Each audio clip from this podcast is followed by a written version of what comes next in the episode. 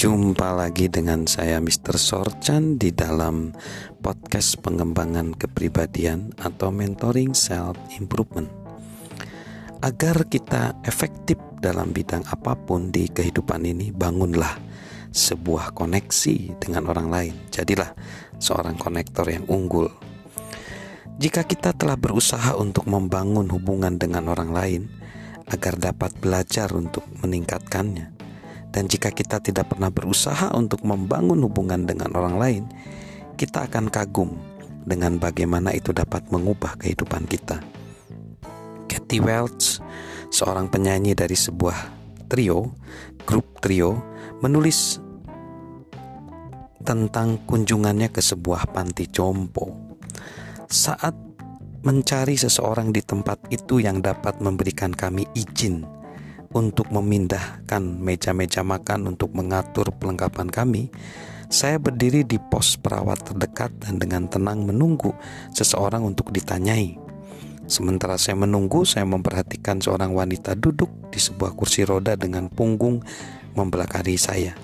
Kepalanya membungkuk hampir mengenai pangkuannya. Ia duduk tanpa bergerak, tanpa Tangan kanannya bertumpu di meja pos perawat yang nampak tenggelam dalam dirinya sendiri. Karena kami datang ke sana untuk memberikan dorongan dan melayani para lansia di panti tersebut, saya merasa tergerak untuk mendatangi wanita ini, mendekatinya dan bertanya bagaimana keadaannya. Berharap tidak mendapat tanggapan, betapa terkejutnya saat-saat ia memalingkan kepalanya ke arah saya, mengangkat kepalanya beberapa inci dan dengan raut wajah senang ia berkata, "Saya baik-baik saja.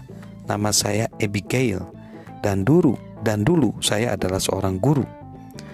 Saya hanya dapat membayangkan berapa lama ia telah menunggu seseorang untuk memberikan perhatian kepadanya. Padahal selalu ada orang-orang di mana saja dan di setiap situasi. Bukankah begitu? Ya, manusia adalah manusia, dan di mana pun kita bertemu mereka, mereka ingin berhubungan dengan orang lain. Jika kita sedang menghadapi tantangan-tantangan untuk membangun hubungan, seperti yang pernah juga dihadapi oleh saya di masa awal kehidupan dan karir saya, kita dapat menaklukkannya dengan pilihan membangun hubungan. Kita dapat menjadi lebih efektif dengan belajar membangun hubungan dengan berbagai macam orang dalam situasi apa pun. Kita akan melihat bagaimana kita belajar untuk membangun orang lain.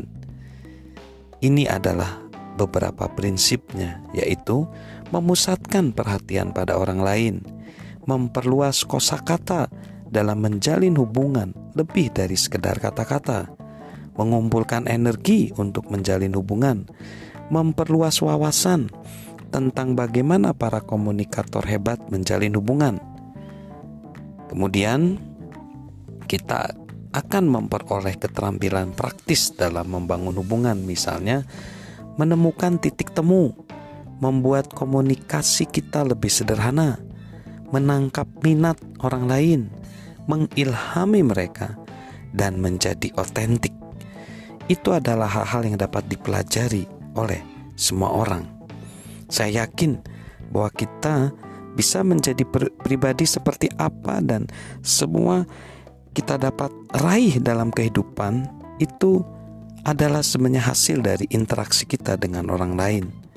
Jika kita juga percaya bahwa itu benar, maka kita tahu bahwa kemampuan untuk membangun dengan orang lain adalah satu keterampilan yang paling penting yang dapat dipelajari oleh seseorang. Itu adalah sesuatu yang dapat kita mulai tingkatkan, dan semoga pembelajaran dari podcast ini akan menolong kita bagaimana kita menjadi seorang konektor yang baik, seorang penjalin hubungan yang baik.